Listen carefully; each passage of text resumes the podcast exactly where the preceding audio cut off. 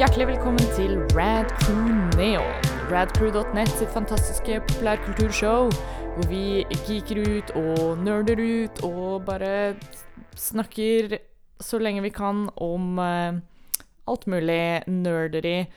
Uh, alt uh, som har med populærkultur å gjøre, bortsett fra spill, fordi det bruker vi ganske mye tid på ellers på Radcrew. Så Neon er eh, Kall det et uh, slags eh, safe space uh, fra, fra å høre så mye om spill. Uh, og da snakker vi om alt mulig annet istedenfor. Mitt navn er Ida Doris Joint. Jeg er programleder her i dag. Og i dag har vi en ganske koselig og intim episode for dere her. Jeg har bare med meg én annen gjest. Ja. Jeg heter eh, Jens Erik Våler. Jeg eh, er vel kanskje en litt kjent stemme for noen. Ja, For jeg har dukket opp i noen Rad Crew Neon-episoder Ikke første gangen før. du er her, det er det Det er ikke. ikke første gangen jeg er her. Første gangen jeg var med i noe Radcrew-relatert, var Retro-crew, tror jeg. Vi skulle snakke om noe sånn Nintendo-spill eller noe sånt. Og det var da jeg bodde i Trondheim og fortsatt skrev for, for Gamer. Stemmer, Eh, stemmer. nå jobber jeg i Funcom. Og så innimellom, hvis jeg får lov, så dukker jeg opp for å snakke om eh, popkultur som jeg liker. Konge. Det, det er bra. Det er godt å ha noen sånne eh, folk som vi kan bare dra inn fra sidelinja Ja, ja, ja. eh, når det trengs. Sånn som i dag. Og i dag er det jo også ekstra kos eh, med Neon når vi har en 100% lokal episode. Ja, Dette vi sitter er- i samme rom. Det er veldig koselig. Oh my god, jeg sitter ikke ensomt inne i hjørnet på, av soverommet mitt og, og hører på de andre ha det gøy over Discord.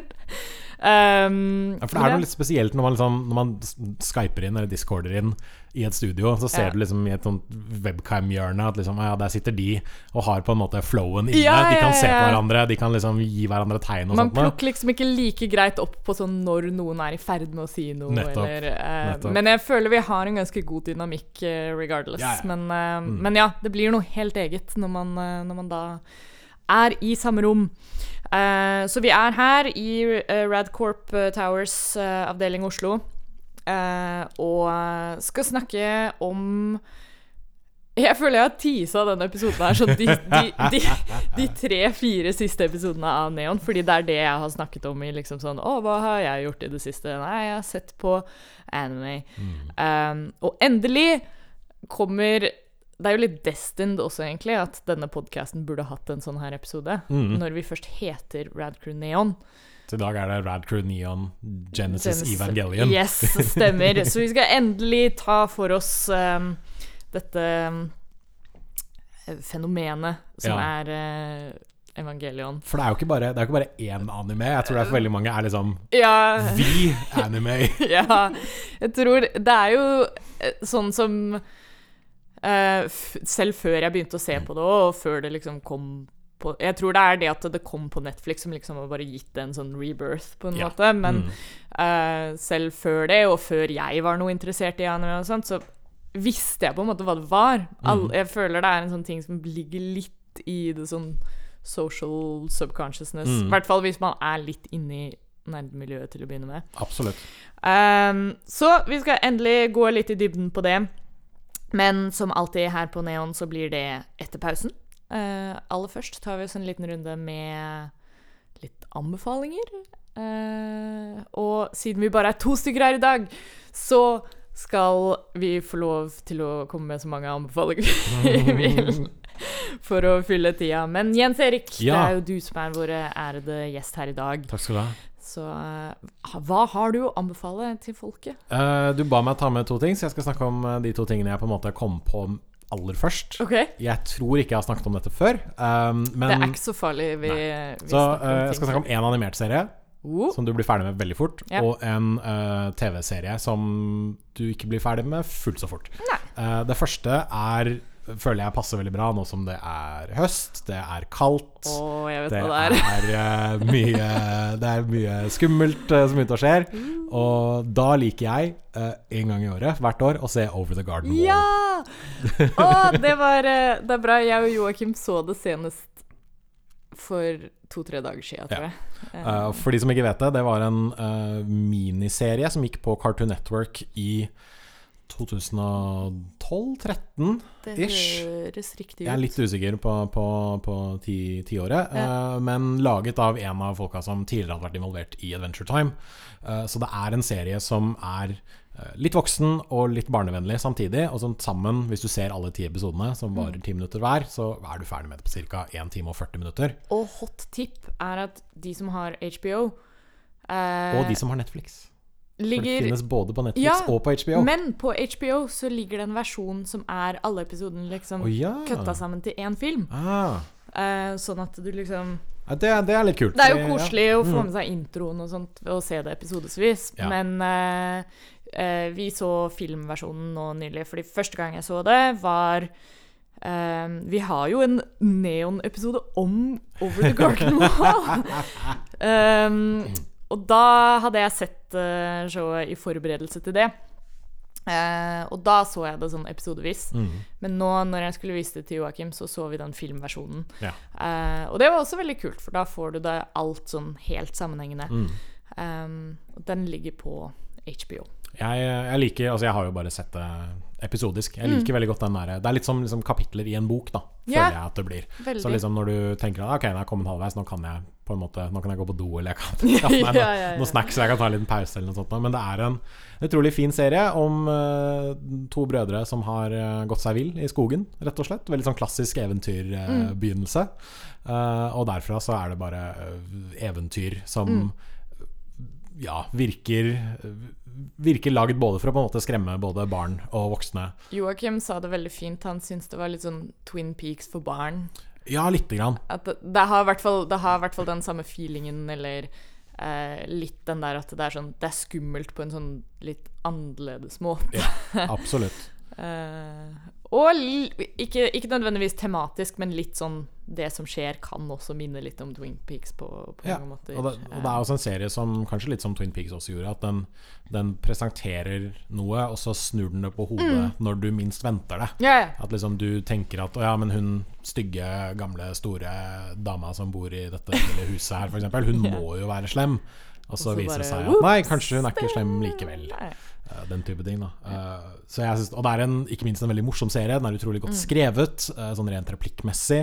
Um, for han yngstebroren, som jeg tror skal være en jeg vet ikke, fire, fem, seks år gammel, kanskje. gammel. Han føles, i hvert fall for meg, som en veldig Altså det er en veldig godt skrevet Ja. lite barn da, som har veldig sånne rare, dumme innfall. Ja, ja. Og en Veldig sånn godtroende ja, hele og liksom oppmerksomheten hans går i 18 forskjellige retninger samtidig. Hvor han bare liksom får en idé, og så dropper han den fem minutter etterpå. Greg. Ja.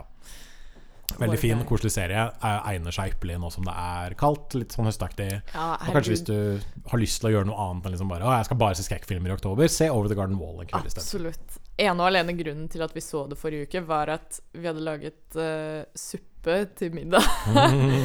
Skikkelig sånn herre Perfekt høstmat. Ja, og det var sånn Det var da det først begynte å bli sånn skikkelig kaldt ute, og så sitter vi der under pleddet og skal digge inn i den søtpotetsuppa, og så var jeg sånn åh, nå må vi se Over the Garden Wall. Altså, Fordi vi var i ferd med å åpne YouTube og gå på en eller annen sånn crazy YouTube-run eller noe sånt. Ja. Så satt jeg der og kjente på følelsen og var sånn Å, nå er det høst!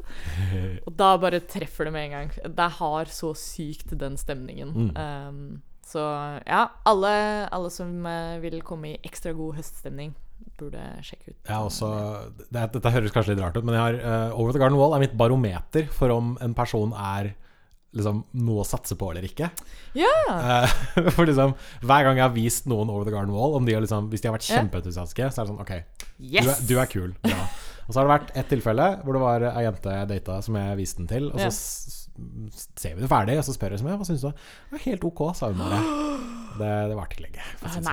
nei. Det er viktig å ha noen sånne milepæler, eller noe, ha noe sånn å gå etter. Eh, hvert fall eh, Det kan virke litt overfladisk, men, men når man er nerd, og når man er interessert i de tingene man er interessert i, så er man interessert på et litt annet nivå. Og da, da Mm. blir de tingene litt viktigere allikevel. Jep. Um, det blir sånn der high fidelity moment. Uh, these things matter. Mm -hmm. uh, men ja, du hadde en, en Ja. anbefaling til òg. Uh, for jeg har eh, eh, jeg har brukt litt tid på sofaen i det siste med en, eh, en TV-serie som jeg er veldig glad i, men som jeg følte jeg måtte liksom, gjenoppdage litt. Grann. Aha. Fordi, eh, litt sånn backstory For ca. tre uker siden så brakk jeg albuen. Eh, No! Jo, jo. Ja, st stemmer det! Jeg, uh, sånn, Når skjedde det? jeg, jeg, ja, det er, tre, det er tre uker siden, men det Ja. føles som det er alle ja, herrens det evigheter siden. kjennes urolig lenge siden, Ja, egentlig. at det Det er, det er fælt hvor lenge siden det kjennes ut. Ja. Uh, og da Jeg sykemeldte meg jo fra jobb fordi brukket albue da er det sånn vanskelig å sitte og skrive på tastatur og sånt. Så jeg uh, satte meg ned. Jeg logga meg inn på min tidligere roomies uh, Amazon Prime-konto. Ja. Som jeg fortsatt får lov til å snylte på. Det sa han. Tusen takk, Martin. Eh, og der så jeg eh, at de har samtlige sesonger av TV-serien Community. Ja! Og Community er en komiserie som kom ut i 2009. eh, og som uh, Herman, som uh, vi er på quizlag med, og som jeg tror kanskje har vært med på minst én Radcrew Crew før. Han har vel vært her et par ganger. Ja. Jeg, jeg håper det, Han- iallfall. Han anbefalte den for meg, og jeg så første sesong og tenkte at ja, dette her var kult. Og så ble det bare en serie som jeg fulgte med på. Og så liksom tredje sesongen, da var jeg på en måte hekta, da. Ja. Og så eh, Det er en eh, For de som ikke vet det, det er en komiserie om en eh, gjeng med syv mennesker som begynner på et community college i USA. Um, litt sånn kan, Man kan vel kalle det liksom offentlig universitet. Ja, Som i, som i USA er en Å, dårlig det ting. Det man har vel en equivalent av det her òg? Det er sånn folkeuniversitet eller eh, Ja, noe sånt. Ja, så ja. I USA i hvert fall så får man litt sånn inntrykk av at det er kanskje noe som er sitt, sett litt ned på. Ja. Liksom. Hvis du går på community college, så har du ikke vært på vanlig, sånn ordentlig college. Det er liksom det samme som å på en måte ta opp fag. eh, Ja, ikke sant? den uh... Uh, og de, de er en gjeng som alle er av liksom ulike alder, ulike bakgrunner osv., men Mm. så finner de sammen da og blir en sånn studiegruppe. Å, De og- er så herlige. Og, deret, og liksom, og med det som utgangspunkt, så blir det jo da altså, komiserie hijinks. Mm. Men på en veldig sånn For meg i hvert fall, en veldig sånn frisk og ny måte. Mm. I motsetning til det mange andre komiserier gjør. Yeah. Altså Jeg føler at Community gjør for Community College det Scrubs gjorde for TV Altså for, le, for sånn, yeah. Legeserier, på en måte. Eh, Det er kanskje ikke Sier helt like absurd humor, men den har litt sånn her metaperspektiv og gjør veldig mange referanser og sånt på en veldig kul måte. Mm. Og jeg føler at den Jeg føler at Community ble litt sånn overskygget i sin tid av The Big Bang Theory.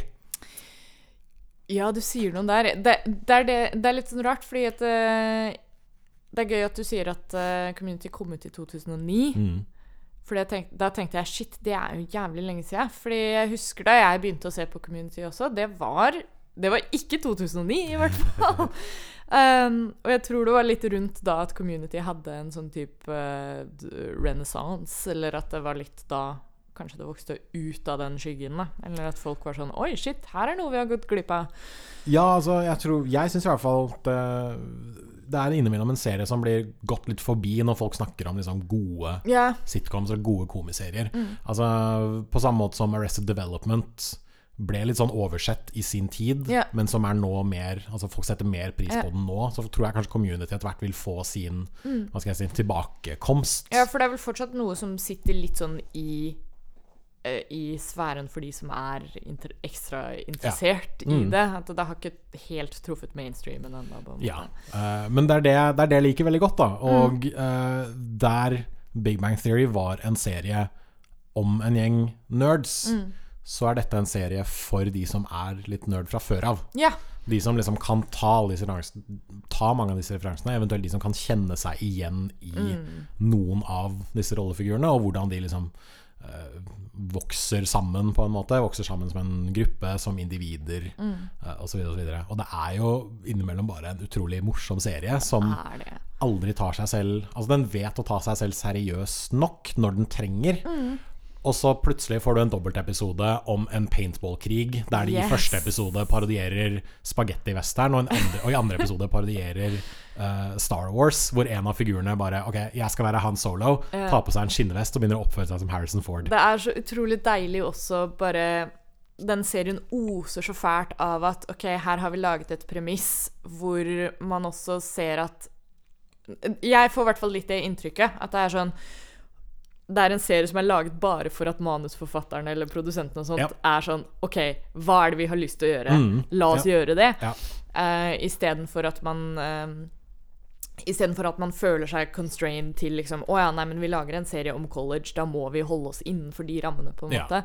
De, de er ikke redd for å Tøye grensene blir liksom feil begrep å bruke, men de er ikke redd for å være sånn Å ja, nei, men hvis vi har lyst til å ha en hel episode om Dungeons and Dragons, uh, Ja, liksom, så, Og det, så det gjør har vi vi det. også. Ja, ikke sant? Eh, og det er, det er i hvert fall en av mine favoritting med den serien, er at uh, den eh, Jeg tror det er der det forfriskende elementet kommer fra. Mm. At den Du vet aldri hvor du skal gå, fordi at det, det, alt er så sykt unpredictable. Plutselig er det en sånn type episode, og plutselig er det noe helt annet som skjer. Og Mm. Det er dritmorsomt. Jeg har, jeg har kost meg veldig nå som jeg har sett den på nytt. Jeg ble nettopp ferdig med tredje sesongen og skal begynne, Nice. på, skal begynne på fjerde. Fjerde sesong var da showrunner Dan Harmon uh, fikk sparken fra serien. Stemmer det! Faktisk, fordi han nektet å gjøre den mer publikumsvennlig.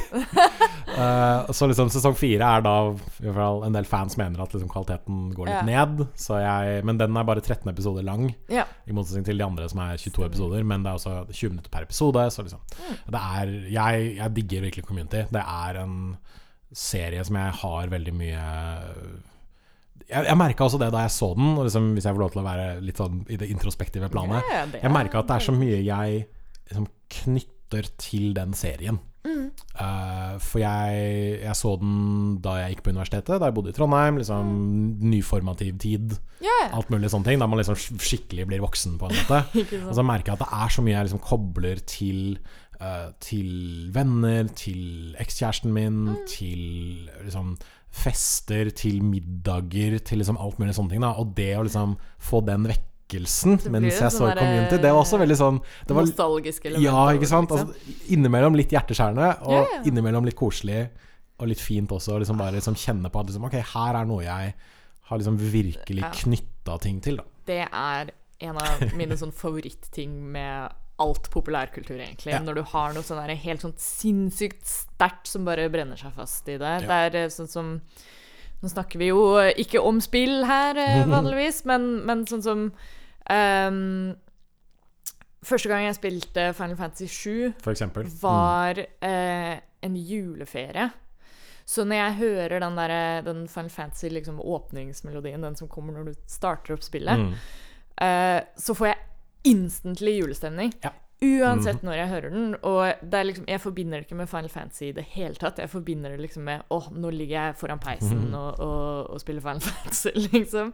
Uh, og det er jul, og jeg spiser godteri, og um, Og det er så deilig når man har de der minnene som ikke nødvendigvis har noe med det mediet å gjøre, eller liksom Mm. hva Hva um, Hva skal man si Meldingen eller symbolikken i det du ser på, handler om, men bare ting du husker sjøl fra Det er uh, the power of uh, being a, a, a supernerd. Ja. Nei, så Community, seks sesonger, alt ligger på Amazon Prime. Konge. Uh, ligger det ikke på jeg, jeg tror det ligger på sånn Viaplay eller noe sånt også. Det eller? gjør det kanskje også. Det, jeg, jeg tror det er en sånn serie som har flytta seg selv litt uh, her og Ja. der. Eh, som var også noe som skjedde under produksjonen. Litt sånn småtrøblete Ja, ja, produksjon. De stemmer. gikk jo da fra 22 episoder sesonger til 13 episoder sesonger, og så Mm. tror jeg uh, femte sesong var kun på NBC Streaming, og sjette Ja, sesong var kun på. Amazon. ja. Fordi da begynte Amazon å liksom begynne med sin streaminggreie. Så. Mm. Men nå finnes i hvert fall alt på to steder. da Ja. Viaplay og Amazon Prime. Og det er Jeg tror det er på ja, Viaplay. det, er en, det er en utrolig severdig serie. Ja. Og ikke minst eh, takket være paintball-episodene i Community, Yes. så har vi fått Russo-brødrene inn i Marvels filmunivers. Eh, fordi eh, det var visstnok uh, de paintball-episodene som gjorde at Kevin Feige tenkte at ok, Mm. her er det folk som liksom skjønner seg på mm, rollefigurer, hvordan de fungerer sammen, og liksom kan lage god, Mm. god action i tillegg. Det, og det er jo absolutt noe som kommer gjennom hele community. Og sånne 20-minuttersepisoder, hvor mye de klarer å få- få Absolutt, inn i de de Ja. episodene, og hvor mye du klarer å liksom etablere eh, og sjonglere alle disse karakterene og alle plotlinesene. Det er, eh, Nei, det er en nydelig serie. ass. Jeg har lyst til å se alt på nytt igjen sjøl òg, egentlig. Ja, det anbefales. Det er, eh, det er virkelig en sånn jeg, Det er en kjempekul komiserie, og jeg Mm. håper liksom at den, som Arrested Development, da, bare liksom vil bli mer og mer positivt verdsatt etter Ja. hvert som den blir eldre. på en måte Altså Nå er den jo allerede ti år gammel. Ja, Jesus. ja. eh, Crazy. Um, jeg har egentlig ikke så mye å anbefale nå. De som hører ofte på Neon, vet at det liksom stort sett enten går i liksom matprogrammer på YouTube Nei, på, på Netflix. Ehm, men nå har det for så vidt kommet uh, sesong to av uh, The Chef Show på Netflix. ja, den med John Favreau. Stemmer. Mm. Uh, Stian har jo anbefalt The Chef Show før, eller i hvert fall sesong én, så da kan jeg hoppe på og anbefale sesong to, som er ute nå.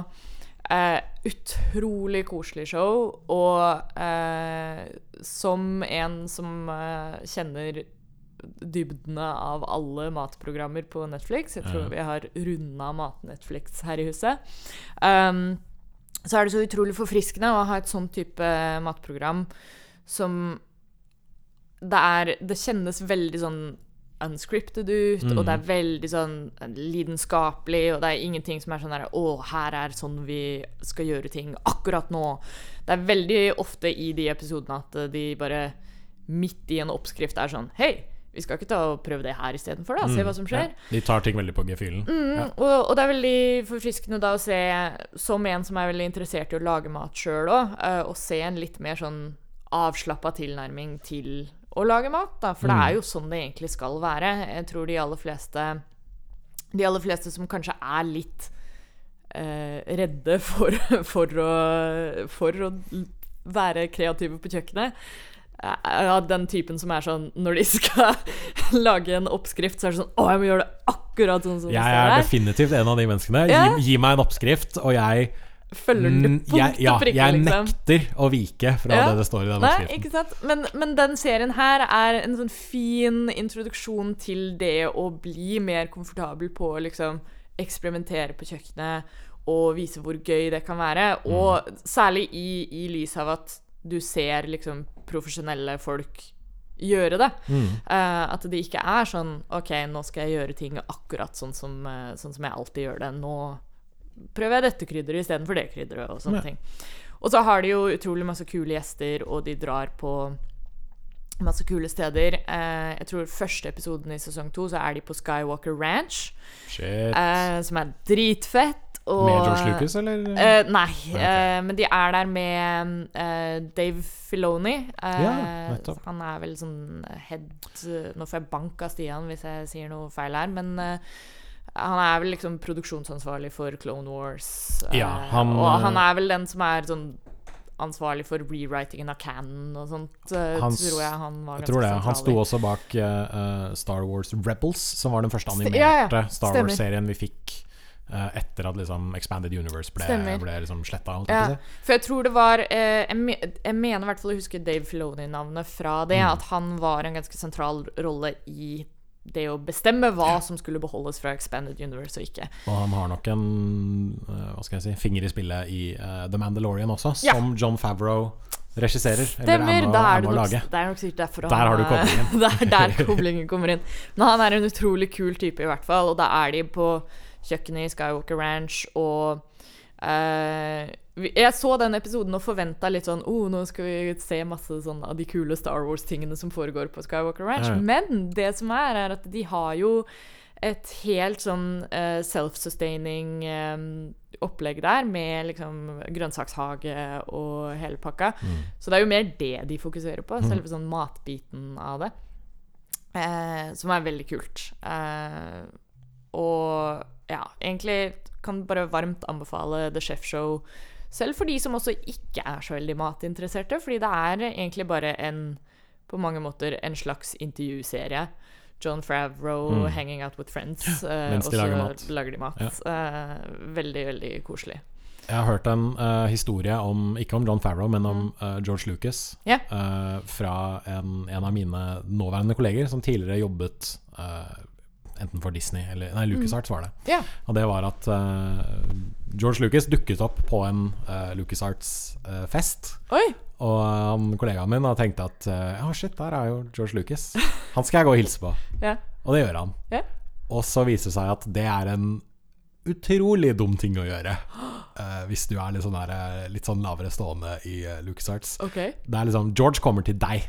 Ja. Du går ikke til George går Lucas ikke- du- ikke og hilser på. George. Nei, nei, nei. Og liksom, det jeg fikk vite, da var at folk har tydeligvis fått sparken for å liksom uinvitert gå opp til George Lucas og prøve å slå av en samtale. Hæ? Ja, ja. Det er jo helt på trynet, da. What? Ja ja, da, da vet dere det, folkens. Så hvis du noen gang ser Hvis du noen noen gang finner deg selv jobbende i LucasArts, ikke hils på Hvis du er i nærheten av George Lucas, bare sånn Ja. avvent litt. Med mindre det er en sånn offisiell signing eller noe Ja, sånt. Men, skjønner, skjønner, for jeg tror han egentlig er en ganske privat fyr.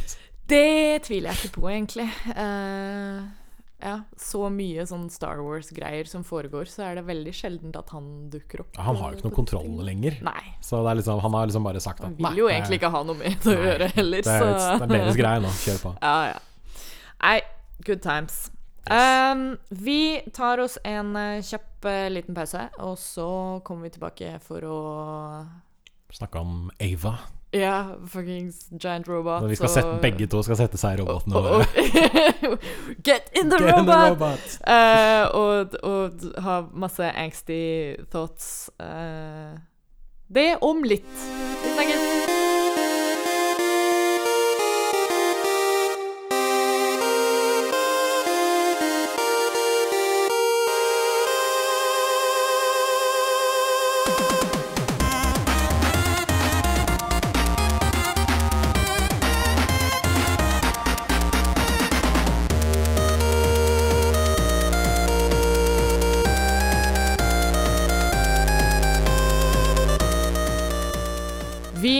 Er tilbake, Yeah. and the time has arrived.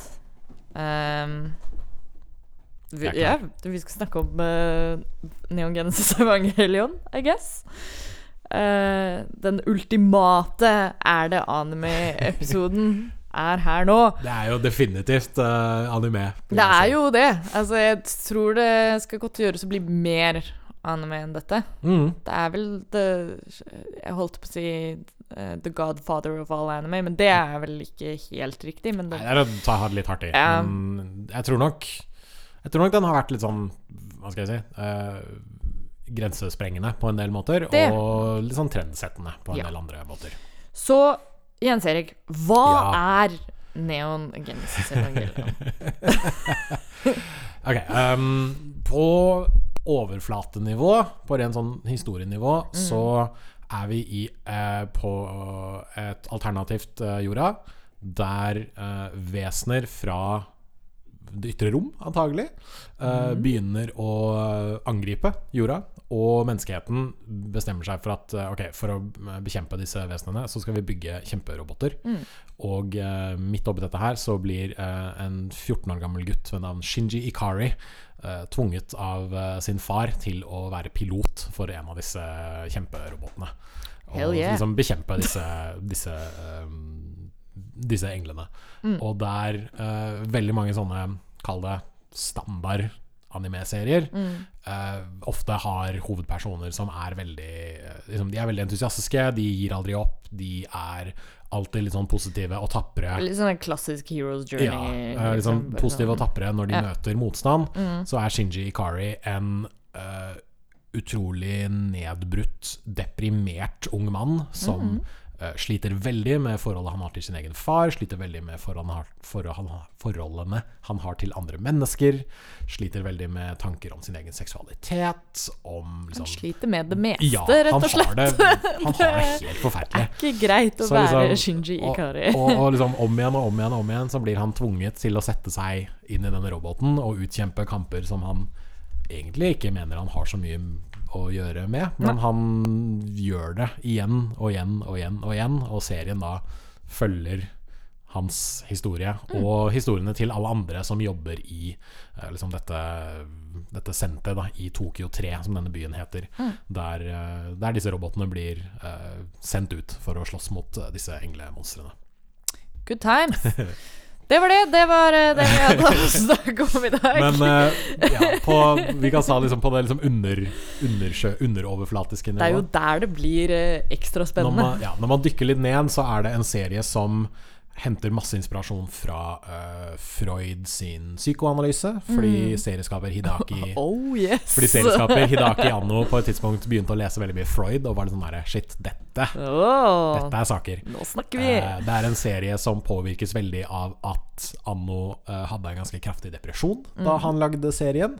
Eh, det er en serie som påvirkes av at uh, Anno ikke alltid klarte å levere manusene tidsnok til produksjon. Det er en serie som bærer preg av at de ikke alltid hadde penger til å uh, gjøre alt det de hadde lyst til. Spesielt på slutten. uh, ja. Og det er en serie som har veldig mye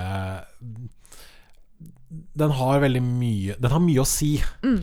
Den har ikke nødvendigvis mye positivt å si om alt mulig rart, men den har mye å si om, om menn, om maskulinitet, om kvinner og femininitet, om seksualitet, om uh, menns forhold til sine fedre, menns forhold til sine mødre, om kvinners forhold til sine mødre, om kvinners forhold til sine fedre og farsfigurer. eh, menns forhold til kvinner, osv., osv. Alt det du forventer fra din Ja. gode gammeldags run det- of the mill anime. så, det blir, så det blir en serie som eh, liksom er like mye liksom Monster of the Week. eh, la oss eh, ta disse kampmaskinene og slåss mot monstre. Som det er en slags liksom, veldig melodramatisk såpeopera til tider. Jeg tror det er det som eh, var mest sånn overraskende for min del. Eller For jeg har jo ikke sett eh, noe av det før, Nei, før nå.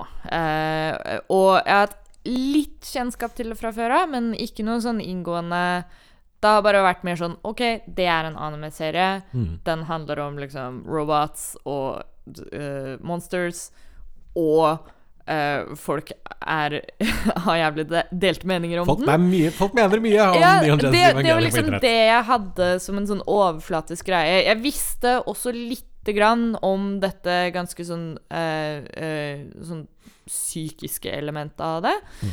men ikke, ikke nok til å Ikke nok til at det ikke tok meg på senga når vi, når vi så Ja. på bare sånn hvor insane det kan bli.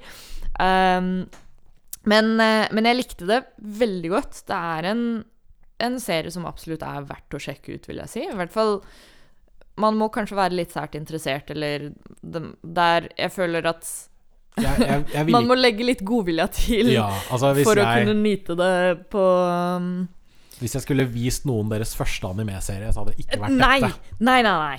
Up, oh lord, Det hadde no. ikke vært dette. Eh, men det er en serie som står uh, ganske liksom trygt på de samme beina som noe som Cowboy Bebop gjør, Mm. eller Trigun f.eks., som vedkjenner at liksom, her er det hovedpersoner som har traumer, Mm. og de skal vi virkelig utforske. Ja. Eh, og det skjer jo også i en del hva skal jeg si, mer moderne såkalte shonen-serier. Altså serier som er for uh, gutter, litt yngre menn. Typ liksom, ja, sånn som Naruto, Attack on Titan, yeah. den type ting. De vedkjenner jo også at liksom, her er det figurer som de har traumer, de lar seg påvirke av dem. Men på et litt sånn lettere yeah. nivå. Og på et litt mer sånn derre At det fortsatt eh, Hva skal man si Særlig i, i tilfellet til Attack on Titan, at det fortsatt blir litt sånn Det blir cool story ut av det. Eller Ja. det, det, blir, Mm. det blir spilt som et mer sånn dramaturgisk grep, mer, Ja, ja. mer enn noe som er sånn Oi, dette er interessant å utforske. Ja, det er, i, I den type serier er det mer at uh, det traumatiske er det som gir dem Hva skal jeg si, kalle det det drivstoffet de trenger for å pushe videre. Mens i øh, Ava, som det ofte kalles, så er det det som holder deg tilbake. Ja. Uh, Shinji i første episode, når han blir sånn brakt inn til uh, Nerve, som er dette hovedkvarteret hvor robotene blir sendt ut fra, han uh, Noe av det første han gjør, er å si 'nei, dette vil jeg ikke ha noe med å gjøre'. Liksom. For det første, du er faren min. Jeg hater deg. Liksom, vi har ikke snakket med hverandre på flere år Nei, nei. siden jeg uh, rømte hjemmefra, og siden mamma døde. Spoiler. Nei, det er ikke en spoiler. Jesus. Det er ikke en spoiler. Eh, og så sier han så, han, han nekter plent. Han vil ikke. Han er, han er redd. Han er feig. Han orker rett og slett ikke. Og den eneste grunnen til at han lar seg motivere, er fordi at ok, da, hvis du ikke gidder, så tar vi hun her som er liksom kjempeskadet Ja, og bare ruller henne ut av et uh, halvveis koma, Ja, liksom. Vi liksom bare tar henne på båra, bare dumper Ja. inn i roboten, så håper vi på det beste. Og da er liksom ok, greit. Mm. Da må han liksom bare si ok, ikke, ikke røm, ikke røm, ikke røm. Og det er jo på en måte en litt sånn gjennomgående greie, føler jeg, er jo det at Shinji gjør jo på en måte aldri noe fordi han sjøl vil det. Og, og motivasjonen kommer alltid fra at liksom sånn her, OK, men nå kan jeg gjøre det for, fordi da blir det et bedre utfall for noen andre. Nettopp. Det er aldri liksom Å, da gjør jeg dette fordi da går det bra for meg. Nettopp. Ja. Tvert er- imot, egentlig. Og, og, og mye av den serien handler jo om annet at Shinji må innse at han har lov til å Mm. Ikke nødvendigvis være egoistisk, men at han har lov til å gjøre ting kun for seg selv. Ja. Og han har lov til å ville leve kun for seg selv. Mm. Liksom, han er et individ, han er et menneske. Han skal ikke liksom utelukkende Mm. leve i andres tjeneste, fordi det gjør han jo bare uh, ja. miserabel. ja. Noe så skikkelig også. Det er rart, det der. eh, Åssen man eh, det er viktig å ta vare på seg sjæl. Ja, og jeg, uh, det, det er jo noe av det jeg syns er litt fint med serien. Da, det Mm. at den har Altså, Veldig mange av disse figurene er jo litt sånn erketypiske à yeah. la en anime. Altså, du har da den uh, litt sånn ja, semi-usikre uh, mannlige hovedpersonen, og så er han liksom flankert av en uh, kvinneskikkelse som er på hans egen alder, som Mm. er veldig liksom innesluttet, veldig liksom Blikket er alltid vendt ned. Det er da Ray. Klassisk sånn silent anime Ja, girl. og så har, du, så har du Asuka på den andre siden, som er liksom den uh, sundere, som, Ja. heter, som er altså hun som liksom piss and vinegar hele tiden. Som liksom Skikkelig tøff i alltid skal, ja, alltid skal bevise seg selv, da. Ja. Eh, og de har jo traumer, de også. Ja, ja. Selvfølgelig har de det. Ja. Eh, men det er liksom bare det øyeblikket du kommer under den overflaten, da, så skjønner du at her er det mer som, mer som foregår. Og Ja. um, jeg tror nok vi alle liksom Alle kjenner nok en Shinji eller en Asuka eller Ja. en Ray eller en liksom alle de andre figurene her, da, og det, kan liksom se at det er så sykt mye som går an å kjenne seg igjen i, i den serien der. Og, og til tross for hvor sånn far out anime det blir iblant, så, så, så er det så er det et sånn derre grunnelement av at du, du skjønner liksom hva du vil fram til, og jeg tror, jeg tror den eh, litt sånn universale gjenkjenneligheten i mange av temaene de diskuterer, på Mm. tross av hvor liksom sinnssykt anime det blir presentert, Ja. um, så, så er det det som kanskje gjør at det er også litt lettere å fordøye den serien her, fordi du har da en sånn bunnlinje som, eh, som du kommer tilbake til. Jeg tror nok det. Mm. Det er en Ja, det er nok en serie som må fordøyes. Liksom. Den, det jeg- absolutt. Og jeg, jeg, jeg innså det også, fordi jeg så den i sommer, da den kom ut på Netflix. Ja. Uh, fordi alt ligger på Netflix nå.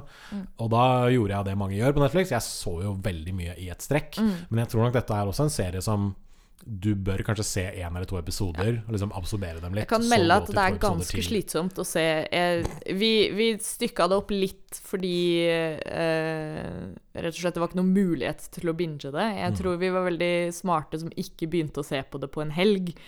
Eh, vi begynte i hverdagen, og da var det sånn Å, OK, nå er det seint, nå må vi gå og legge oss. Ja. Eller, eh, eller så må man gjøre noe annet, eller eh, eh, har man andre serier man skal se på og sånt. Så vi klarte å space det utover litt Uh, grann. Uh, men de gangene hvor vi så liksom typ mer enn tre episoder, var det sånn Oh my god, Mm. nå, nå må vi i hvert fall gå og legge oss, Ja. liksom.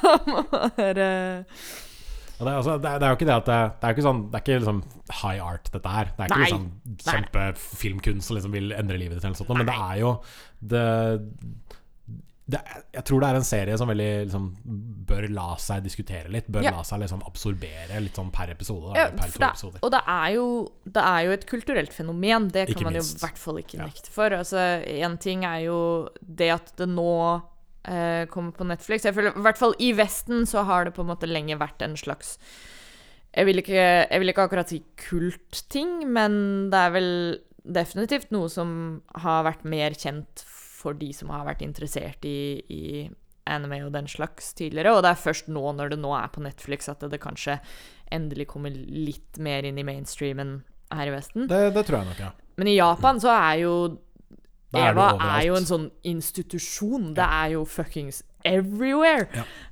Um, og det å bare se hvilken påvirkning den serien her har hatt, da. Mm. Um, og vi gjorde jo noe utrolig morsomt, egentlig helt tilfeldig. Midt i når vi så Evangelien, så hadde jeg en sånn flashback til at bare sånn Å, Pacific Rim, det er en jævlig kul film. Mhm. Den har jeg lyst til å se.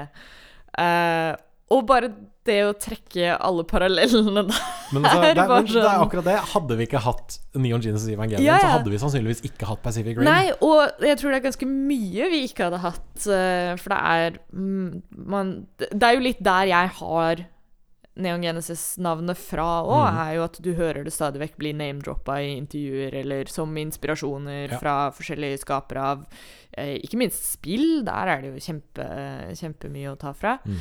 Um, så det har vært litt sånn, sånn smådrypp, og jeg tror folk har henta veldig mye inspirasjon derfra. Um, men det var bare litt sånn kult uh, å se For i Pacific Rim så ses det jo sykt hvor inspirert han er der. Det er veldig mange paralleller å trekke. Uh, og samtidig da også kult å se liksom de to forskjellige måtene å gjøre det på. Ja, fordi Eh. altså, i, i Pacific Rim er det jo utrolig kult Mm. at disse kjemperobotene eksisterer, og de, Ja, de ja. liksom Og det er dritfett, og de er sånne ja, heroes, og liksom, de, har, de har liksom hender som blir gjort om til, til, liksom, til energivåpen. Ja, og liksom, de, de liksom trekker et liksom, hangarskip eh, gjennom gatene i Hongkong og liksom, Det er så slår badass! ja, ikke sant? Det er kjempekult. Og i Ava så er det helt forferdelig. Ja, ja. Alle de robotene er bare helt uh, grusomme. og- de er, liksom, de er, de er helt alt for, sånn- liksom, Armene og beina er altfor lange. Og liksom, Det er noe veldig rart med proporsjonene. Ja. Og liksom Hvorfor har roboten min tenner? Hvorfor har den en munn? Hvorfor begynner jeg å blø den når jeg munnen? blir Ja, ikke sant? Hvorfor, hvorfor brøler den? Ja. Hvorfor, hvorfor er det sånn at jeg føler smerte Mm. når armen på roboten min blir kappet av? Hva er greia med det? Ja, nei, det er, eh, det er ville greier.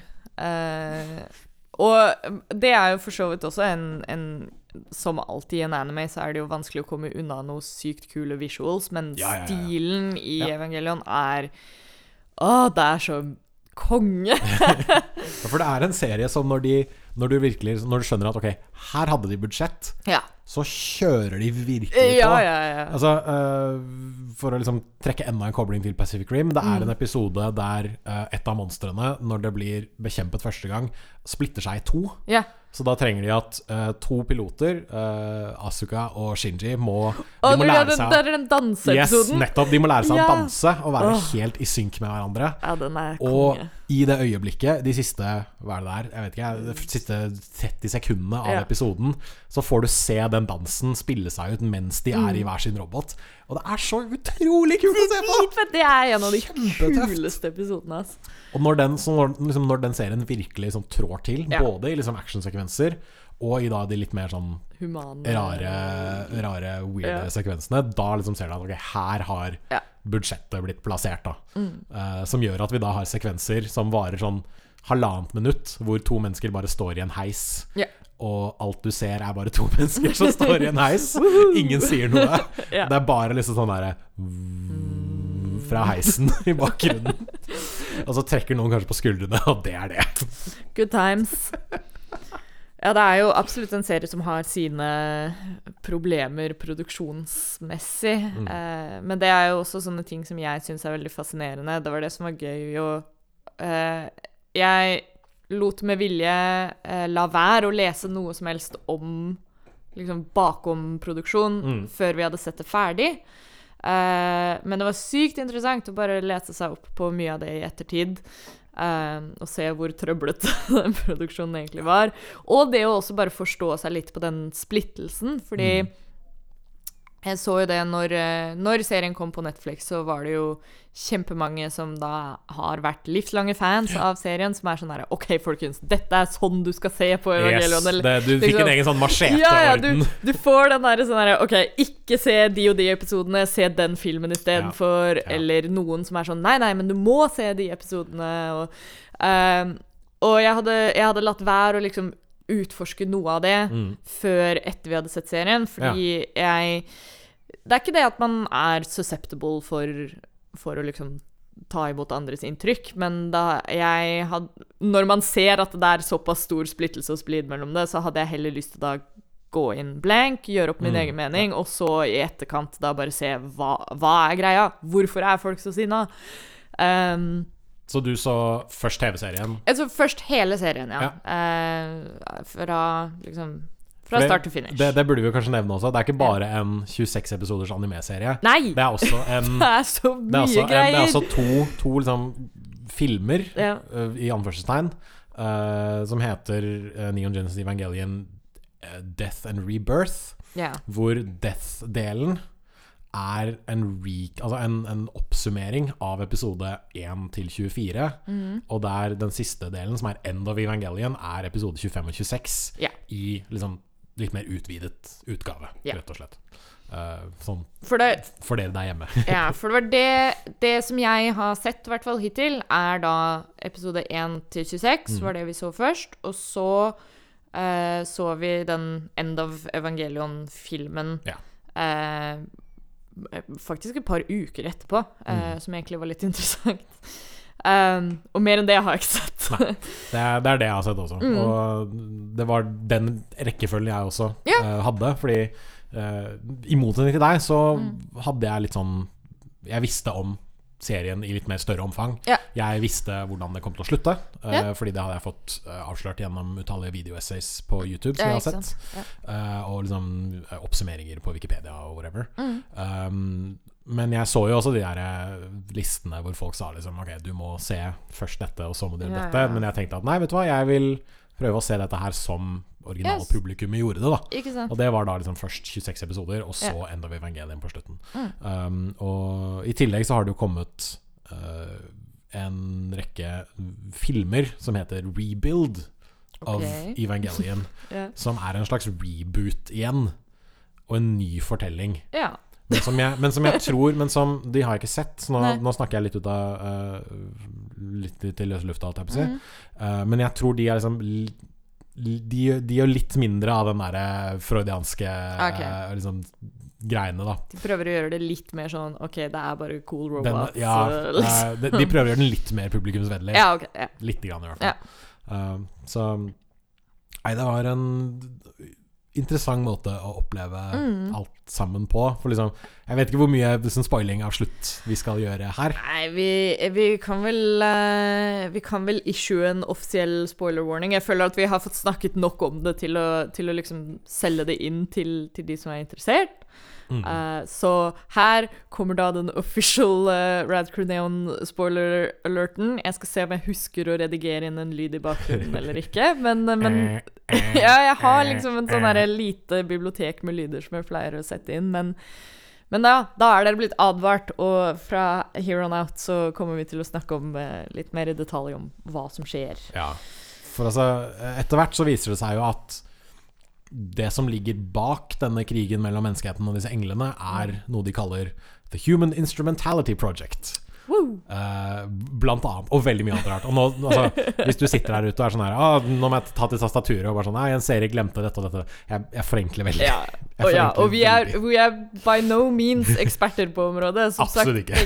begge vi to har sett serien i det siste året, liksom. Det er ikke Vi burde egentlig fått med oss noen uh, scholars, men Men det, er, det, som, det, som har, det som har skjedd, er jo at uh, det landet et sånn, Menneskene oppdaget et, et engleaktig vesen på Mm. jorda en gang.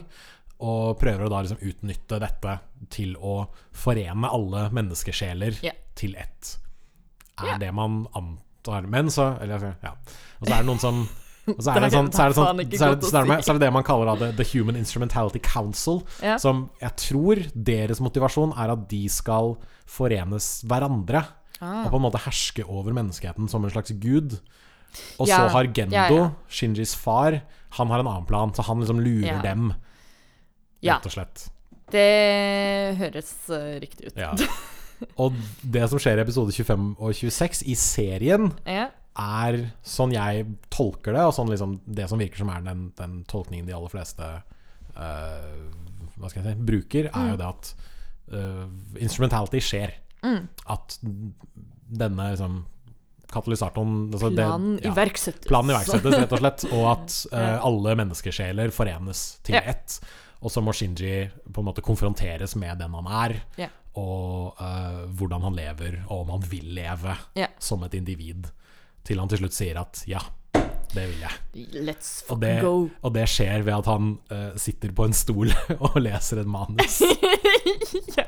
liksom inni et sånn black box-teater. Det var Jeg er egentlig veldig glad for at jeg ikke oppsøkte noen sånn derre uh, Hva er folk misfornøyde med, før jeg Mm. så episodene. Fordi jeg fikk jo Selvfølgelig, det er jo uunngåelig å få med seg det at folk var sånn der ah, Ikke se episode 26 og 25! Ja, ja, og folk bare sånn. Å, det er da alt faller fra hverandre, og alt er helt krise. Men jeg likte de episodene egentlig ganske godt. Um, eller De, de har noe for seg. de har noe for seg, si. og de, de har liksom De har et eller annet gående Mm. som, som jeg, jeg, syns i hvert fall var veldig interessant. Um, og jeg tror kanskje det som jeg syns var så appellerende med det, uh, er det at det er noe som man kanskje så sjeldent ser. Ja, Eh, absolutt. jeg føler, i hvert fall i veldig mye moderne media, da, så føler jeg at som publikummer så er du Du blir ofte servert med ting som er så veldig sånn her Å, nå skal vi holde deg i hånda Ja, hele det veien. veldig liksom, eller- veldig sånn her Det er ikke noe rom for egen tolkning, og det er Mm. ikke noe rom for liksom å være litt sånn What the fuck er det som skjer her nå? Så når det først skjer, så klarer jeg liksom ikke å bli sint på det. Fordi det, er, det, er sånn, det er egentlig litt gøy. Uh, du sitter der og ser på en serie, og så er du bare sånn Hva faen? Det um, er som slutten av Sopranos. Det er sånn ja, cut to black. litt, det er litt sånn som det, og det er litt sånn som Ja, det er litt uh, Igjen sånn Litt sånn som Twin Peaks. eh, Særlig nyeste Twin Peaks, og at det er litt sånn Uh, Du blir satt litt på spissen som publikummer òg, fordi du alltid er forventa at bare sånn OK, nå blir jeg fortalt hva som skjer, og så kan jeg på en måte Når du er ferdig med en episode, så kan jeg liksom Lukke det kapitlet, og så kan jeg gå til sengs uten å tenke noe videre på det. Uh, og jeg tror det var derfor det satt så godt med meg de siste to episodene. At det var sånn, da gikk jeg jo og la meg den kvelden og var sånn herre Det var jo det eneste jeg tenkte på. Mm. Dagen etterpå også. Bare sånn Hva var det egentlig som skjedde i de to episodene der? Og du har sånn litt lyst til å se på det en gang til for å se om du skjønner mer av det. Mm. Og, og uansett om jeg liksom gjorde opp en mening på om jeg syntes det var bra eller dårlig, så var det bare noe med den følelsen da, som er litt sånn Ja, det, det skjer ikke så ofte lenger med, med mye av det media man konsumerer, så det Mm. var litt sånn uh, forfriskende, egentlig. Jeg tror nok det er altså liksom den, den konklusjonen som Shinji kommer til, hvor han sier Han og uh, Asuka og uh, Ritsuko, tror jeg. Ja. Fordi det er liksom tre personer som på en måte sier det samtidig. At liksom De sier jo det at 'jeg hater meg selv', Ja, men kanskje jeg kan lære å ikke hate meg selv. Liksom Den setningen tror jeg liksom treffer veldig mange mennesker, da, som kanskje sliter litt med mange av de samme problemene Mhm. Som vi også sliter med. Og og, bare, og bare det å få en sånn, derre sånn intern sånn psykoanalytisk dialog, dialog fremvist på film på den Ja, monolog. Fremvist på, på den måten. Uh, det er jo noe som, som sitter med deg på en sånn helt egen måte. Særlig hvis man driver med litt sånn self-insertion i Mhm, det òg, ja. så, så blir det jo sykt interessant til slutt. Um, og, og jeg tror jeg tror kanskje det var lettere for uh, Jeg kan veldig godt forstå de som på en måte hadde et forhold til serien, og kanskje Mm. liksom så på det når, når serien kom ut. Ja, Når da disse to episodene plutselig kommer litt sånn ut Ja. av det blå, Mm. Da forstår jeg frustrasjonen rundt det. Spesielt, spesielt med tanke på det som skjer i de uh, foregående episodene. Ja. Det at liksom man, den, man antar at den aller siste engelen har dukket opp. eh, Ja, uh, uh, liksom Kauro, som han heter, har blitt nedkjempet. Mm. Og det virker som om kampen kanskje er vunnet. Så plutselig kommer det to episoder hvor de sier det at Sorry, vi gikk tom for budsjett, vi. ja. Så vi Nå har skal bare det måttet være experimental ja, as fuck! Vi har bare måttet liksom kaste noe sammen Ja. i siste liten. Ja. liksom håpe på det beste. Det blir litt den derre Den evig klassiske frustrasjonen rundt liksom TV-serier som ikke får en satisfying ending Nettopp. for Mm. fansen og sånt, og det eh, Jeg forstår det jo. Og, og derfor er det jo veldig lett når vi kommer her nå flere flerfoldige år senere og er sånn derre Nei, men jeg syns ikke det var så ille, jeg. Well, så, er det så, så er det sånn Oh, you weren't there! Du Ja, at når man ikke har det sterke tilknytta forholdet til det, da, så, så blir det jo Selvfølgelig. Du, det er lett å ha den, altså forstå om hvordan mennesker reagerte. Ja. Fordi det er jo Det er det. Det er absolutt ikke det man forventer. Nei, nei, nei. Og, og da er det jo Det er på en måte mye lettere å fordøye det nå, når man har det i en sånn kontekst hvor du liksom Uh, Hva skal man si? Det føles kanskje ikke som om man har investert like mye i det, da, ved Mm. når man da er sånn å ja, det er jeg som har bestemt at jeg skal se på dette på Netflix. Mm. ikke bare sånn Å ja, jeg er Dette fan. Er Nå gleder jeg meg til Ja. neste uke, og Ja. da kommer det en ny episode. Endelig. Og så bare er det ikke det man forventer i det hele tatt. Men hva, hva syns du om uh, End of Evangelion? For det er jo da Altså Hvis episode 25 og 26 er på en måte den indre monologen, yeah. så er jo da uh, I hvert fall den tolkningen jeg har lest mest av, da, Mm. er at End of Evangelion er på en måte de eksterne Ja. Hendelsene. Men den omskriver jo også litt Det motivasjoner og liksom figurer og, så, Og det- holdninger og sånn. Det syns jeg også var ganske interessant, fordi at det, eh, det var jo Du fortalte meg jo om den teorien. Eh, om liksom det der med den indre Ja. Indre handlingen og den ytre handlingen, Ja. på en måte. Eh, etter jeg hadde sett um, End of Evangelion. Mm. Så igjen eh, Jeg tror den, den liksom innstillingen jeg hadde da jeg så filmen først, var at End of Evangelion skulle erstatte de to episodene. Ja. Eh, så da var det litt sånn mindset jeg gikk inn i med i første omgang. Mm. Men da, når du fortalte den teorien, så var det sånn Aha! Ja, men da Nå får vi et helt annet perspektiv på Jeg, tror, det. jeg, jeg tror nok begge er liksom like Hva skal jeg si Like valid, begge ja, ja. tolkningene. Fordi liksom det er I og med at det er så mye likheter, men også så mye forskjeller, Mm. så kan man egentlig på en måte gjøre seg opp en Ja, mening. og det var skikkelig sånn aha-moment når du fortalte meg den teorien. For da var det sånn Å ja, men nå, da gir det ting så mye mer mening. Um, eller i hvert fall litt mer mening. Ja. Uh, men jeg syns uh, End of Evangelion også var eh, den, den har sine ting. Den har definitivt sine skavanker. Ja. Uh, og den It goes places. Men eh, Ja, hva skal man si? Det, det Altså, det er, du skjønner hvor Hideaki Anno putta alt den der liksom freudianske Ja. si, Fordi det er mye okay, det, er mye sure. pe, det er mye penetrering det er det. i End of Evangelion, og det er mye liksom påtvunget penetrering. Det er veldig mye Kan man jo kalle det. seksuelt generelt, og Ja. erotisk, og veldig mye sånn eh, Det er litt ukomfortabelt til tider. Uh, men uh, uh, Men jeg syns Jeg syns det var artig å se. jeg tror jeg kanskje var sånn mer forvirra etter å ha sett den mm. enn episode 25 og 26. Eh, litt fordi Litt fordi det som skjer, er så sykt sånn der batshit crazy. Du sitter i de, de siste liksom 20 minuttene er sånn derre OK, nå har jeg gitt opp helt. De bare. Nå Det er bare sånn masse bilder. Det er Ja. sånn ferdig med det, ja, på en og nå Greit. Og, og den drar en sånn derre eh, altså, jeg banner jo litt i kjerka ved å si at ting er så veldig sånn confusing og større enn seg sjæl, når jeg er så sykt fan av Metal Gear, liksom. Jeg, jeg vet jo hvordan det der kan gå. Uh, men sånn sett så er det også interessant det perspektivet, å bare se det at når man vet at End of Evangelion er et produkt av fansen som var sånn derre Nei, vi er ikke fornøyd. Ja. Du må Vi krever en bedre bedre vi slutt. krever en bedre Ja. Eh, det gir jo sånne der Metal Gear Solid 4-assosiasjoner. Og Metal Gear Solid 2. Ja, for så vidt jo, også, ja, for var og for så vidt. Ja.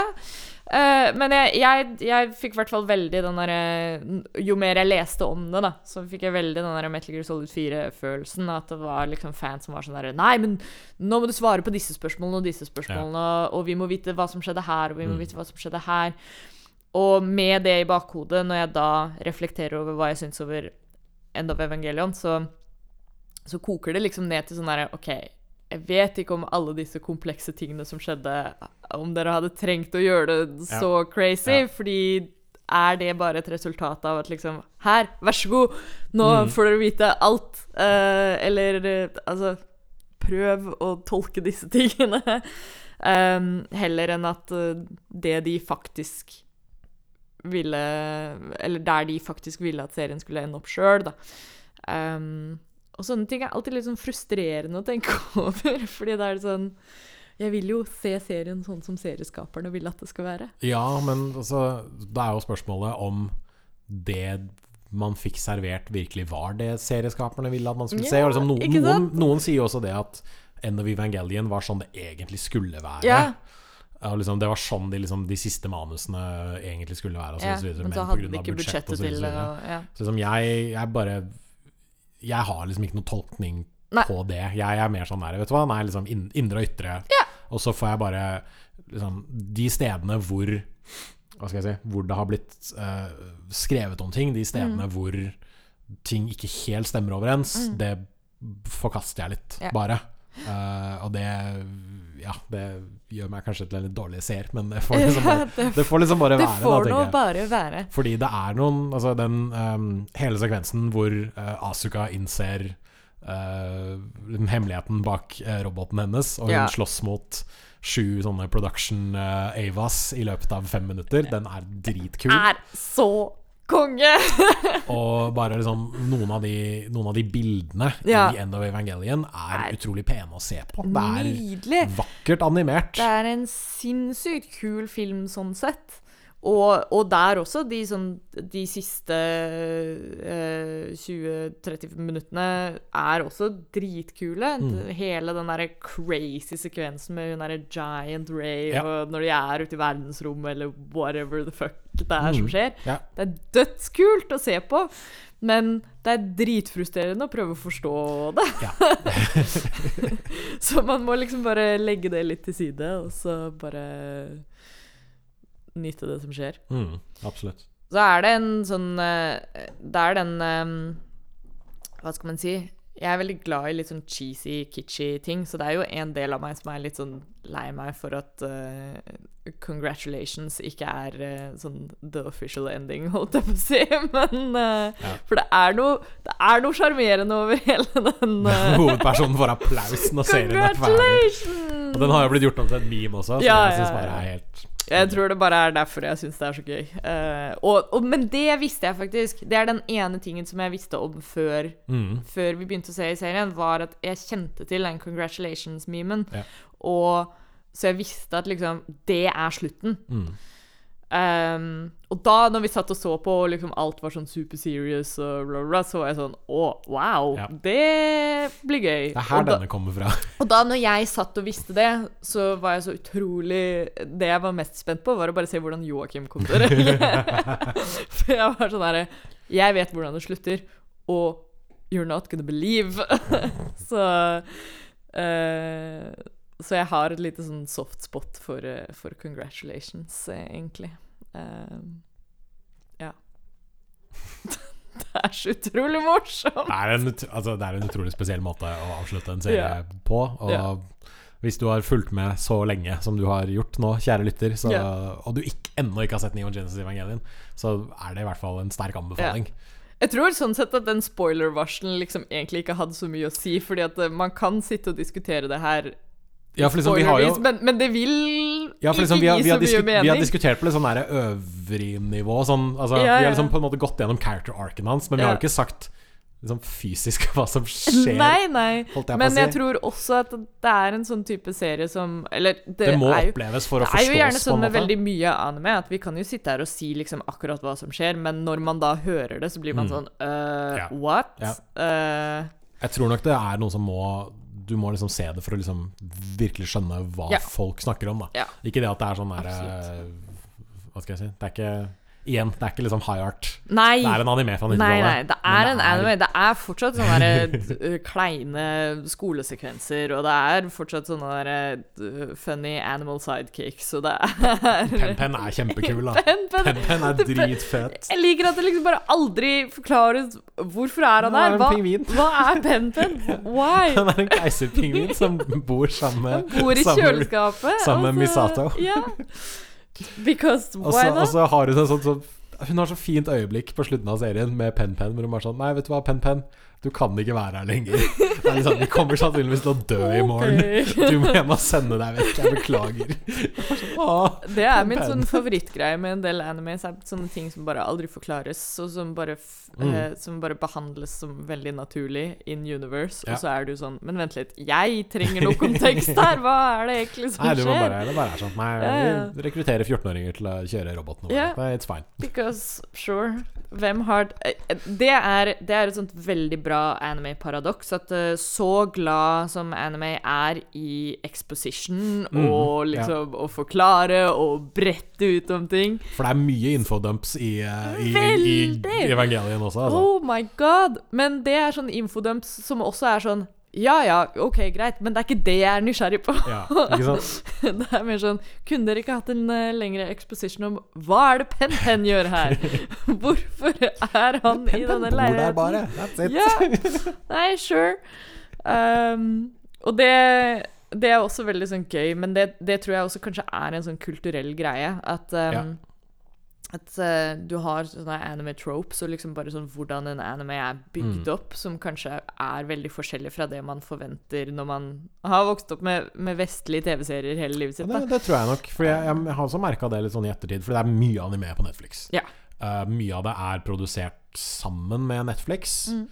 Uh, og mye av det er ting som de bare har liksom fått eller kjøpt inn rettighetene til. Mm. Og veldig ofte, i hvert fall i liksom første, eller, første og andre episode, du blir på en måte bare kasta rett inn i det. Ja, Og du gjør jo det i amerikanske TV-serier også, men Ja, ja. du blir kasta inn i det på en annen måte. da Og liksom, så er det gjerne litt sånn derre de- De har nok liksom tråder eller hooks til å få deg til å skjønne liksom.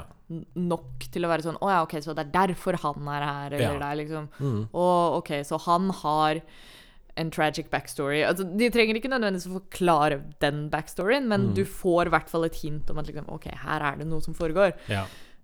Men jeg føler at i anime så er det så veldig ofte at det bare ikke skjer. Liksom Å, plutselig er de på stranda ja.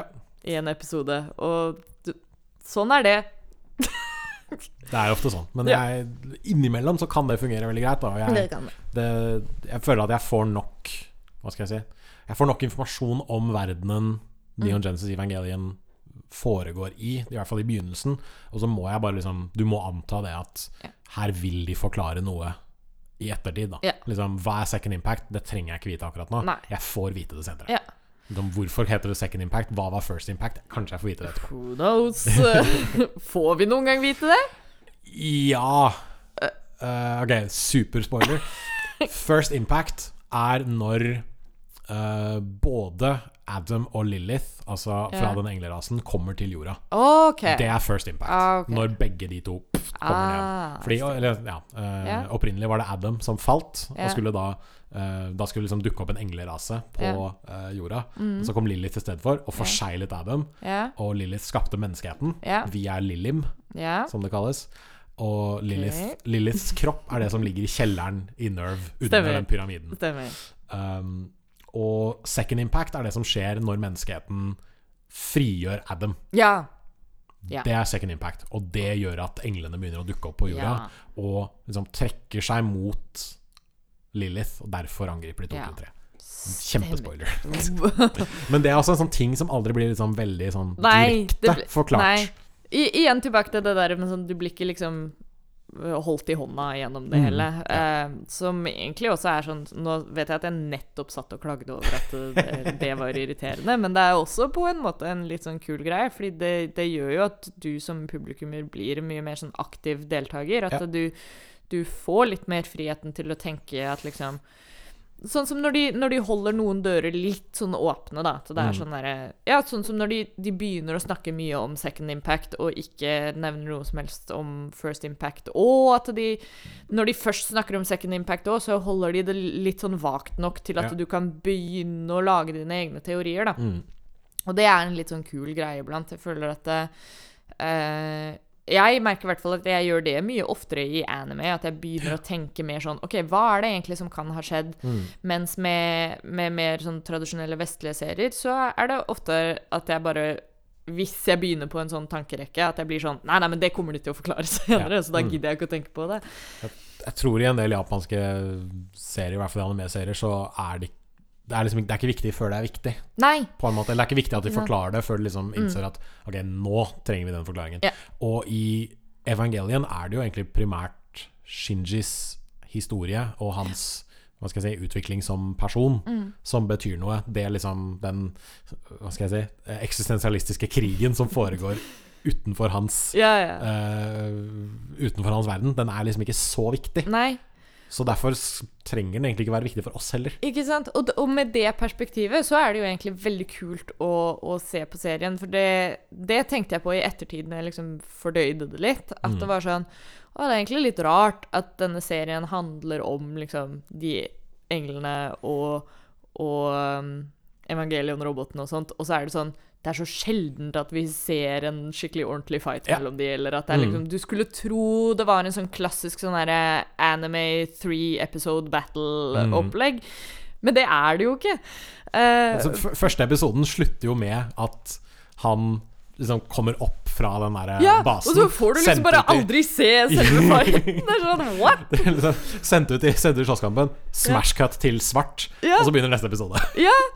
Og, da, og i neste episode så er det bare sånn herre Så våkner han i sykesenga. til- Ja, der våkner han i sykesenga, og så er det bare sånn callback til sånn Å, husker du dette skjedde i den fighten, Ja. og så skjedde det, men så får du liksom aldri se hele greia.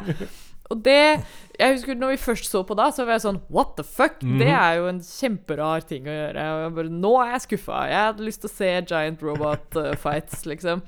Men, men det er jo fordi, som du sier, det er jo ikke det serien handler om, Ja. sånn egentlig. Mm. Ehm, det er jo Shinjis indre kris som den offisielle svenske tittelen uh, Really? Uh, Nei. Okay. det burde, burde vært det. Oh? Det var så bra jeg snakka med noen andre om, uh, om serien her, og Mm. de, de kommer med så gode poeng at det var um, se, Hele serien er liksom bare sånn derre Angsty teenagers inner monologue. Mm. eh, og, og jeg tror det er derfor det kanskje er litt sånn lettere for sånne yngre generasjoner å, å sette mer tror det, ja. pris på det. Ja. Fordi eh, hvis du har hatt en litt sånn eh, Alle som hadde en eller annen form for sånn emo-periode på ungdomsskolen, kommer i hvert fall til å sette pris på det her. Fordi alt eh, som skjer, og all dialogen og sånt, man kunne lett kasta det bort som veldig sånn cheesy eller eh, veldig sånn touchy-feely. Mm. Men hvis man har hatt et snev av en sånn opplevelse sjøl, så er det sånn åh, OK. Det er litt cheesy, men jeg skjønner hvor det kommer fra. Det er en, måte. som jeg, som jeg skrev på min eh, Twitter-konto etter at jeg hadde sett Oh. serien, det er en Shout-out. Jo, shout-out til meg selv. At JE Våler, V-A-A-L-E-R, hvis du vil følge meg på Twitter. Uh, det er en serie som sier liksom at hvis du noen gang har følt deg som dette, Ja. liksom, det er lov, Ja. men det viktige er at du pusher videre. Det Mm. viktige er at du liksom Du må innse at livet er en kamp noen ganger. Sånn Mm. er det bare, men liksom du bør fortsette å gå videre, Fordi Ja. hvis ikke så kommer du bare til å liksom holde deg selv tilbake. Ja.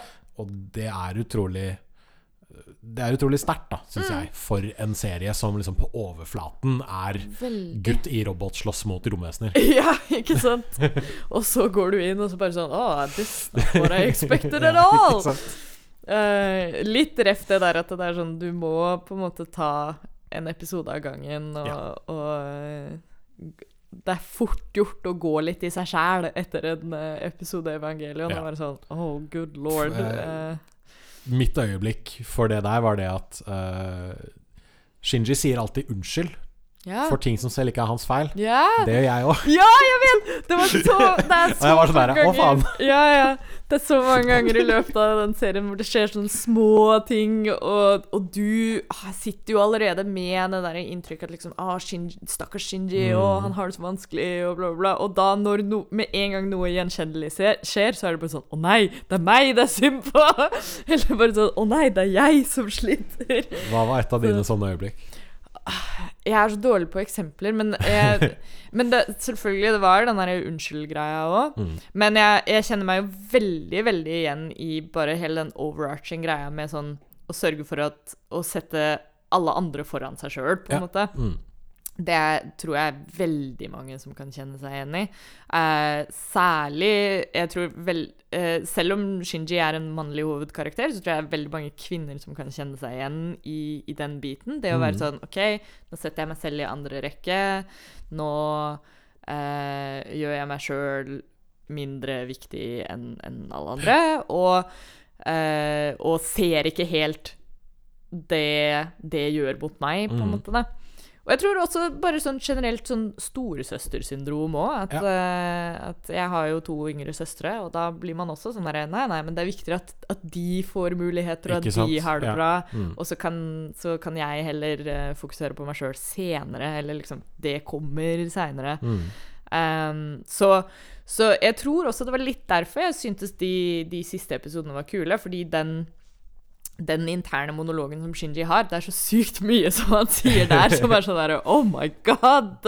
Dette er ting som jeg skrev i dagboka mi på ungdomsskolen, liksom. Og det, det interessante er at det handler jo ikke nødvendigvis om å være egoistisk. Nei, nei, nei. Det er liksom ikke om at liksom, jeg skal ha alt, men det er mer liksom Prøv å sette deg selv i første rekke Ja, hvis du har det vondt, eller liksom hvis du sliter med noe. Ikke liksom, sant? Det er, det er, det er den derre fine balansen mellom at liksom uh, Det at ja, igjen, ikke egoisme, men i hvert fall sånn noe egoisme ja, er du har lov å fokusere sånn- fokusere på deg Du selv. har lov Ja. til å tenke på deg selv, og det er sånn Det er ikke uh, ja, ja, litt det, da. At det er ikke egoisme å Mm. tenke på seg selv. At uh, egoisme blir et såpass negativt ladd ord, og at man blir litt sånn eh, Schooled til å være Til å tenke at å, det er en dårlig ting hvis du tar vare på deg selv. Mm. Eh, og da, hvis man allerede sliter litt, så er det jo ekstra vanskelig å sitte med den, eh, den beskjeden oppå det. Ikke minst. så, så nei, det er en eh, kul serie ass, på, på akkurat det området. Mm. At det tar opp disse temaene. Ganske tunge temaer til tider òg. Det er i hvert fall en god del steder hvor det er sånn Wow! Uh, dette hadde jeg ikke forventa å, å se akkurat nå. Mhm. ja. um, så Så ja, det Og jeg tror, jeg tror det er det som var litt sånn kult å oppleve når jeg så den også, fordi det eneste jeg visste om Evangelion fra før av, var liksom bare det kulturelle fenomenet, og at det var Mm. sånn Å, det er kjempemange som Det er deres favorittanime, Mm. eller alle syns den er jævlig bra, men jeg kjente liksom ikke noe til hvorfor. Hvorfor var liksom alltid den missing piecen som jeg hadde, som var grunnen til at jeg hadde lyst til å se det nå, da. Uh, og ja, jeg sitter vel fortsatt igjen med en god del hvorfor, men uh, Men nå har jeg sett det, i hvert fall, så da kan jeg delta i diskusjonen. Ikke minst. Det er en Ja, hvis jeg Hvis jeg kan si en siste ting, så er det i Ja. hvert fall at jeg, jeg syns det er en serie som er, som er verdt å se. Hvis, Ja. du, hvis du har sett ikke, altså, Uansett om du har sett mye anime eller ikke. Liksom, hvis alt du har sett er Ghibli, kanskje ikke begynn med denne her. Mm. Men liksom Har du, har du sett liksom Cowboy Bebop, Trigun, Attack on. Titan etc., etc., etc., så er dette noe å få med seg. At det er liksom en kulturell milepæl Mm.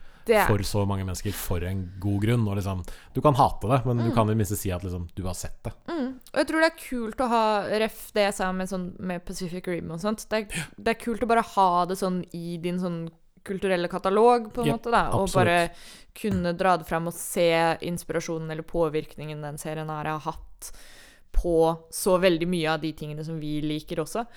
Eh, og også generelt det å bli inspirert sjøl. Jeg, altså, jeg som er holder på med litt tegning og sånne ting òg. Mm. Bare Det er så utrolig mye så kult visuelt som foregår Absolutt. i den serien, og så mye sånn um, Ja, jeg kjente i hvert fall etter hver episode får jeg sånn Å, nå må jeg gå og tegne et eller annet, Mm. fordi det var eh, Det er så sykt mye sånn inspiring eh, visuals. Men ja, få det sett! er eh, vel som vi alltid sier her på Rad Crew. Eh, nå ligger det jo på Netflix, så det Ja, eh, da, er det, da er det ingen unnskyldning. Det, det er, alle har vel Netflix. Uh, Ja, de, de aller fleste tror jeg i hvert fall har det. I så fall, om man ikke har det sjøl, så har man alltid tilgang på det fra en eller Kjøp en sånn gratis måned, og så bare avslutter du etter å ha Ja. sett alt sammen. Det er sånn det går. Um, og det ligger der, eh, og som jeg alltid sier, det er subs before dubs. Det Se det på japansk, dere. Eh, bortsett fra Hæ, bortsett fra Bortsett fra Har Cowboy du noe å legge til? Nei, jeg har, jeg har noe å legge til. Nei. Jeg så den faktisk på engelsk. Oi! Jeg så den dubba. Wow. Eh, den har jo blitt redubbet, faktisk. Det er det som er den sånn store kontroversen. Det er den store kontroversen. Okay. Fordi det er et par ting For, uh, de har endret i liksom den nye ja, oversettelsen. for jeg, for jeg fikk med meg det, men gjelder det i liksom tekstinga også? Ja. Ja, okay. Det gjør det. Uh, tekstinga er visstnok helt ny, og eh, Det er en del, det er en del skilt som det, Ok, dette her er utrolig Nå blir det sykt nerdy her. nå lite grann. Ok, eh, Vi har holdt på en god stund, men vi skal fortsette litt til. Det er en del uh, i, Rundt om i serien så er det ofte en del skilt hvor ting står skrevet på japansk. Mm. Hvis du har engelsk tale og ingen tekst, Mm. så får du undertekst om hva det skiltet betyr, eller hva som okay. står på det skiltet. Ja. Hvis du har japansk tale med undertekst, så får du det ikke. Å! Og noen ganger så er til og med Og dette var også noe jeg oppdaget da jeg prøvde å se en episode med både engelsk tale og engelsk tekst. Noen ganger så er den engelske teksten litt annerledes enn den engelske talen. Okay. Noen ganger gjør det at ting er litt mer forståelig, andre Mm. ganger så er det litt mer sånn diffust. Okay. Uh, men jo, det er et par uh, Det er et par endringer, et par liksom ganske hva skal jeg si, nøkkelsetninger og ord og uttrykk som har blitt endret. Eh, blant Ah. annet i Oi, nå slår jeg i mikrofonstativet. Beklager. I eh, litt ut i serien så dukker det opp en eh, ny pilot for en av disse evangeliene. Ja. Han heter Kauru. Ja, ja. Og i originalserien så eh, sier han til Shinji Uh, rett, Han sier rett fram at uh, 'jeg elsker deg, Shinji'. Yeah, sier han. Det betyr at jeg liker deg. Yeah. Mens i redubben så sier han uh, 'You are worthy of my grace', sier han. That means I like you. ja vel!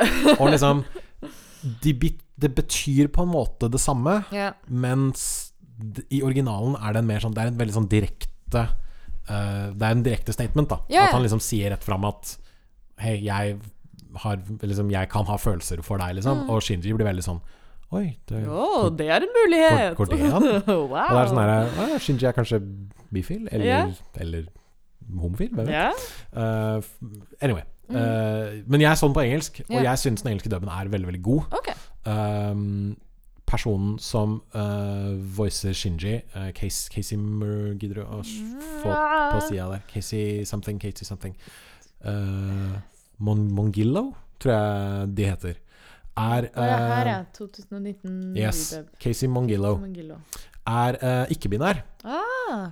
Uh, og de gjør en veldig god liksom, Klarer å liksom veksle stemmen til Shinji liksom veldig godt mellom på en måte det maskuline og det feminine. det er kult. Og går litt sånn i begge retninger, da, på yeah. en måte. For det det, er, jo, det er jo litt i tråd med den karakteren òg. det er det. Som er sånn on the cusp of manhood. Ja, ja, ja, ja. Så jeg, jeg, synes, uh, jeg synes absolutt at det er ikke noe galt i å se dubbet anime. Hvis du heller vil se dubbet anime, gjør det. Hvis du foretrekker subs, gjør det. Men uh, Det er bare jeg som liker å være en uh, ass redubben, på det, liksom. redubben, som de kaller det, av Neon Genesis Evangelion, er faktisk veldig, veldig god. Ja. Syns jeg. Nei, Og, eh, Casey Mongillo har en veldig, har en veldig sånn Shinji har en veldig sånn karakteristisk måte å, rope på Ja. hver gang Shinji er redd eller liksom utsatt for noe helvete. Og jeg var sånn Jeg skjønner ikke hvordan uh, voice-actoren bare, ikke bare sånn ødelegger stemmebåndene sine hver Nei, gang de er- gjør det der, altså. Er det én ting som er eh, Vi har vært veldig bekymra for her mens vi har sittet og sett på Evangelion, er sånn derre Jeg håper naboen ikke ringer politiet nå, liksom. Det er, eh, her er det bloody murder som foregår når du sitter og ser på noen av de episodene. Det, det skjer ting der, for å si det sånn. Det er en, eh, det er en, eh, en fin Enten en fin sånn headphones-anime, eller det er i hvert fall en eh, Det er i hvert fall et klassisk tilfelle av sånn derre Demp serien lite grann. ja, demp serien lite grann. Eller i hvert fall være sånn derre Pass på at ingen liksom walks in on you når du ikke vet hva du ser på. Så da er det bare sånn Hva faen er det som foregår her? Nei. Good times. Du finner det på Netflix, i hvert fall. Du finner det sikkert andre steder òg. Netflix har vel også Har det alle filmene og sånt nå, eller er det Det er vel bare de End of Evangelion og den ehm, Netflix mener jeg har alt Ja, okay. som ja. finnes. Altså hele som, den nåværende katalogen. Ja. Så det er hele originalserien, redubbet da. Mhm. Det er uh, End of Evangelion, og da det som Altså recapen som kom først, ja. også redubbet. Ja. Um, og da um, Rebuild of Evangelion, Ah, som er disse filmene som begynte i 2005 Mhm. med den første eh, som da heter Rebuild of Evangelion 1,0. Og så er det 2,0, 3,0, og 4,0 skal komme til neste år. Oh, uh, det er uh, ja eh, Brennaktuelt, eh, Ja. det her, altså. Godeste Hideaki Anno måtte ta en liten pause, for han skulle regissere Shin Godzilla, som er yeah. den nyeste japanske Godzilla-filmen. Og så var det noen fans da som ikke var så fornøyde med at han måtte gjøre det. Men det kom 2020, har vi blitt lovet. At neste rebuild Neste og siste rebuild-film. Konge. Ja, men da, da er det bare å Da er høst, eh, høstferien er over, for så vidt. Men eh, da, da er har du hatt høstferie. det, Jeg tror det. Det er vel uh, uke 41-42 er vel da det alltid er Det kan stemme. I don't know. Uh, men anyways, da, det, da har du i hvert fall noe du kan gjøre nå i disse kalde vinterdager. Uh, kos deg med litt ek eksistensiell anime. Uh, annet enn det, så eh, har du noe du har lyst til å plugge, Jens Erik? Du har vel allerede vært innom din Twitter-konto, men jeg vet Ja, ikke øh, hvis du vil se mine lunkne takes om øh, alt mulig rart, eh, så finner du meg på Twitter. At JE Våler. Takes. All my takes are lukewarm, som jeg Ja. tvitret en gang for Ja. eh, mange herrens år siden. Så bra. Um, ellers eh, Nei, jeg vet ikke. Jeg Nei. nei. Jeg tror egentlig ikke det. Nei. Du kan Um, Plag Jens Erik på Twitter, og så Jeg kan si plur. Peace, love, understanding, respect. Nice! Den, den er good. Det, det, det støtter jeg. Så- Fine verdier. støtter vi her eh, på Neon. Um, til det så, så kan du jo alltids ta en tur inn på radcrew.net. Der har vi så jævlig mye podcaster nå. Det er eh, noe for enhver. Hvis du blir lei av å høre oss eh, snakke om eh, crazy anime-shit og, og alle mulige popkulturelle ting, så kan du Finner du alt fra retrospill til vanlig spill til wrestling til eh, alt mulig rart. Det har så vidt kontroll på hva vi har på den der nettsida nå om dagen. Uh, radcrew.net i hvert fall. Uh, ta også og Sjekk ut radcrew.net slash keepitrad hvis du har lyst til å sjekke ut hvordan du kan støtte oss med litt ekstra kronasjer. Vi har både Patrion og Eh, vi har en, en sånn alternativ betalingsløsning også, hvis du ønsker det. Uh, da får du også tilgang til uh, Radcrew Nights, vår eksklusive premium-podkast. Um, som eh, er for de spesielt interesserte. Det er derfor vi Veldig det er derfor vi har gjemt det bak paywall. Um, men i hvert fall ta og sjekk det ut. Da får du tilgang til ikke bare alle nye episoder av Red Crew Nights, du får tilgang til hele back-katalogen, som begynner å bli ganske massiv nå. Og så eh, inntil da så bare får du ha en riktig fin dag videre. Uh, og som Jens Erik sier, plur, peace, love, understanding and respect. Og så snakkes vi i neste episode av Rad Crew Neo. Ha det bra! Bye.